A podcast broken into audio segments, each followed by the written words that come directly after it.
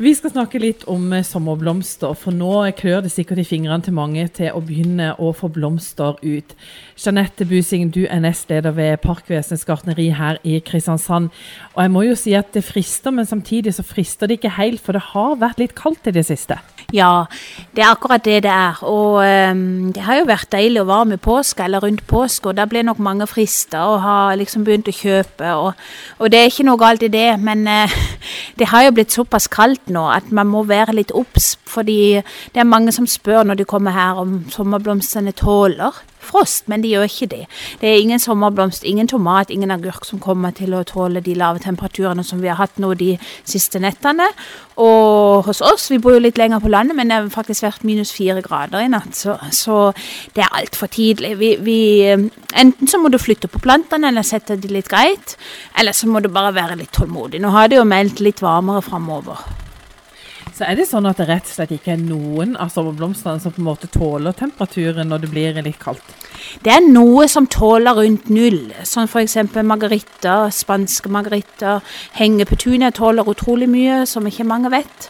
Um, men minusgrader, da ble det vanskelig. Som du sa, det er få som tåler eh, kalde dager, eh, men uh, hvis vi nå har valgt da, å kjøpe blomster, så sier du at vi rett og slett må eh, ta veldig godt eh, vare på dem. Ja, det viktigste er å være obs. Du må nesten eh, deg på kveldene og kikke på værmeldinga eller kikke på, på eh, temperaturen ute. og så det er ikke alltid nødvendig å flytte ting inn, fordi uh, det blir veldig varmt igjen for plantene. De trenger ikke det, men uh, det hjelper veldig å legge noe over dem. Det kan være ei ullteppe eller en fiberduk eller et eller annet. Eller så setter de mot en vegg eller i en krok hvor ikke kulda kommer så mye fram. Hvor varmt skal vi ha det før det er på en måte trygt å ha blomstene ute, uten at vi trenger å dekke til dem eller passe ekstra godt på dem? Altså, Er det over fem grader på nettene, så skal det gå greit. De plantene vi har her hos oss, de er vant til kalde netter, fordi vi har ikke varme på i drivhusene. Men um, også er det litt sortavhengig, sånn som tomater og agurk. De må ha mye mer varme. Men de fleste sommerblomster, de tåler alt over fem grader. Hvis vi skal snakke litt om uh, sommerblomster, hva er på en måte de sikre vinnerne? Er det noen som på en måte er veldig greie for alle, selv om man ikke har de grønneste fingrene? Hengepetunia er jo en klassiker. Folk er mest glad i de, de har store blomster. Det er litt jobb med å knipe de, men eh, de går alltid hvert år. Det som har blitt mer populært de siste årene, det er med en hengeplante som heter Million Bells. Den kan brukes i ampler og også i, i krukker. Og den trenger du ikke å knipe, så det er veldig lettvint for folk. Men han blomstrer veldig, veldig lenge til frosten kommer, og, og frodig og fin fins i mange farger. Er det sånn at vi kan klare oss ganske bra hvis vi ikke har de aller grønneste fingrene også når det kommer til sommerblomster? Ja, det er det. Jeg ser flest feil som, som blir gjort med, med, sommerblomster, som jeg ser her, Nå får jeg komme liksom fortvilende og spør hvorfor har den liksom gått i stykker, hvorfor det, Folk vanner for mye. Det er ofte det jeg ser. Og så har de altfor små krukker. Eh, det er veldig, Jo større Mange spør jo skal jeg plante den om i løpet av sommeren. Det er hver sommerblomst må bli planta om.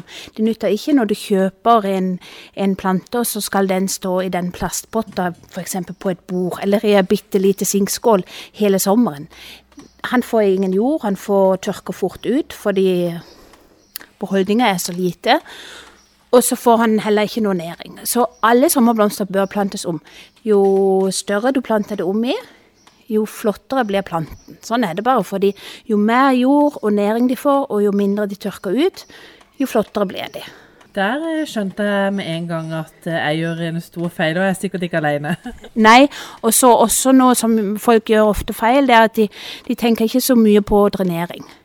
Står vannet i bunnen av ei krukke eller verandakasse, så er det, det er ikke bra i det hele tatt. Det liker ingen sommerblomster.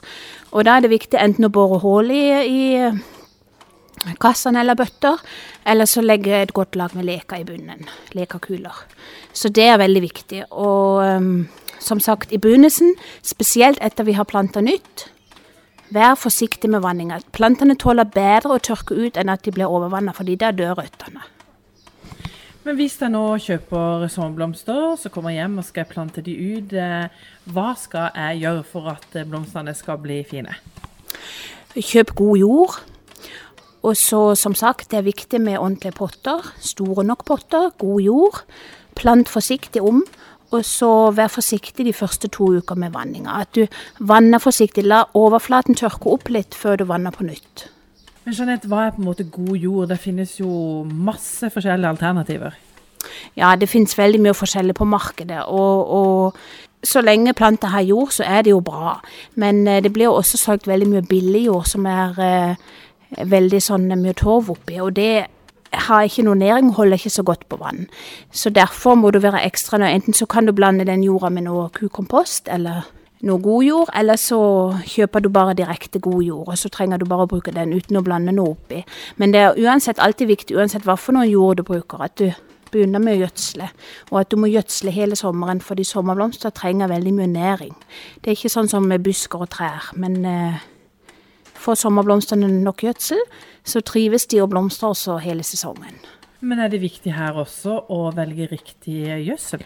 Nei, altså den gjødsla som er på markedet, det finnes veldig mye forskjellig. Det finnes jo noe med langtidsvirkning, det finnes i pulverform, det finnes som flytende, det finnes granulat. Men alt er jo næring til plantene. Og så ser jeg i, butikkene, de selger jo Det finnes jo gjødsel til f.eks. rosa, gjødsel til rhododendron, gjødsel til sommerblomster. Så, så, hvis du bare går etter det, så, så gjør du ikke noe feil med gjødsla. Hvor ofte skal man eh, gjødsle? Det kommer veldig an på hva du kjøper. og Det er derfor det er viktig å lese på den pakninga du har kjøpt. Lese det som står der. og så, eh, Det er veldig forskjellig. Nå må du blande opp i vann med hver vanning. Og nå Legger du bare opp i jorda, så kan det holde opp til fire til seks måneder. Noe jeg syns er vanskelig når jeg kjøper blomster og skal plukke i krukker, det er liksom å finne ok, hvilke blomster passer egentlig eh, sammen. Er det spørsmål dere får mye av her? Ja, det er mange som spør etter det. Eh, jeg sier ofte at det er jo smak og behag. Vi liker jo forskjellige farger og forskjellige sammensetninger. Noen liker å plante alt likt. Noen liker å blande to farger. Det har også blitt populært de siste årene å blande tre farger. Um, så egentlig så syns jeg jo alltid, så lenge du sjøl syns det er fint, så er det fint. Men det som er viktig, er jo at plantene passer sammen. At planteslag passer sammen. Fordi mm, noen planter gjerne noe som er svakvoksende, men noe som er veldig kraftig voksende. Og så vokser de plantene over de som er mer svake i veksten. Og da blir det feil. Da kan det kanskje være at den planten dør ut. da. Så, så, det er viktig å passe på enn f.eks. med farger. Men selvfølgelig, folk, det er jo derfor vi er her. De må jo bare spørre, og så kan vi anbefale noe. Så kan de se om de liker det eller ikke. Så hvis ikke man har sånn veldig veldig kunnskap, så er det kanskje lurt da å vite litt hva man kjøper? Absolutt. Og bruk fagfolk som er i butikkene eller hos oss. Bare spør oss, fordi vi er jo der for å hjelpe, og vi hjelper gjerne. Men er det sånn at det er noen blomster som er på en måte sånn sikre, som, som holder seg godt nesten uansett? Det er vel ingenting Det er ingen sommerblomster som kan liksom overleve uten vann og gjødsel. Men det er jo noen som er mer lettvinte enn andre. Men at du bare planter og så lar det stå og tenker ja, det går fint, det er ikke mange av, nei. Vi snakker om det at vi må kanskje vite litt eh, hva vi kjøper, for det er jo sikkert stor forskjell på planter. Og det er jo sikkert noen da, som du sier, som krever litt mer stell enn andre. Ja, det er det. Det er noen som er litt mer sære i forhold til vanning og lysforholdene. Og så uh, er det noen som ikke bryr seg så veldig mye. Men det er også viktig å se på kvaliteten på plantene, fordi det er også veldig forskjell. Noen planter som gjerne kommer fra utlandet, er sprøyter mye, og kanskje drevet hardt fram i drivhusene, fordi der går det jo mye på tid. Og da kan det ofte være at de, når de kommer til Norge og blir planta ut, at de kollapser på en måte. At de ikke tåler liksom å komme ut med en gang og være litt i kjølig klima. Og. Så der er det jo også forskjeller. Så det er viktig å kjøpe kvalitet når du vil at det holder lenge. Jeg har jo alltid hørt at eh, roser det er veldig vanskelige planter. Er det egentlig det? Nei, ikke hvis du gjør alt riktig. roser er jo, er jo eh, næringskrevende, så det er viktig å gi dem god jord og god gjødsel. Og så er det også en plante som setter røtter ganske langt nedi, altså dypt. Og derfor er det viktig at de, de har mulighet til det. At det ikke er noe som stopper dem, at, de, at de kan få lov å sette røttene dypt. Så er det jo òg mange som velger å plante urter og ha grønnsaker hjemme. Og man trenger kanskje ikke ha på en måte en stor hage for å kunne ha en del av dette? Nei, absolutt ikke. fordi jeg sier jo alltid alt kan dyrkes i krukka, bare krukka er stor nok. Um, har du det, så kan du ha alt på terrassen din uten å ha hage eller grønnsaksbed. Det er ingen problem. Du kan gjøre det med jordbær, du kan gjøre det med, med f.eks. grønnkål, plukk salat og som du sier, krydder. Det er ingen problem. Bare kjøp noe som er stort nok. Og det har jo blitt veldig populært de siste årene å dyrke egen mat sjøl. Har dere mye av disse tingene på gartneriet her? Ja, i år har vi mye av spiselige ting. Vi har tomat, paprika, chili, agurk. Der begynner det faktisk allerede å minke, fordi det har vært veldig populært. Jeg ser det er mange som eh, også begynner igjen med drivhus hjemme. Så det er jo en veldig gøy utvikling, syns jeg.